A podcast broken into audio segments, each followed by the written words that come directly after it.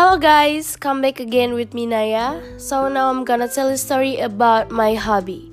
My first hobby is listening music, especially BTS music, cause um, mm, BTS music is really inspire me of many things. Yeah. My next hobby is cooking. I really love to cook. I can cook anything. And yep.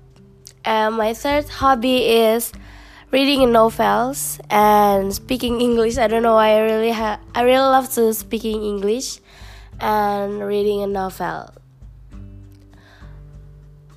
Reading a novel about loves, family, um, friends, and the others.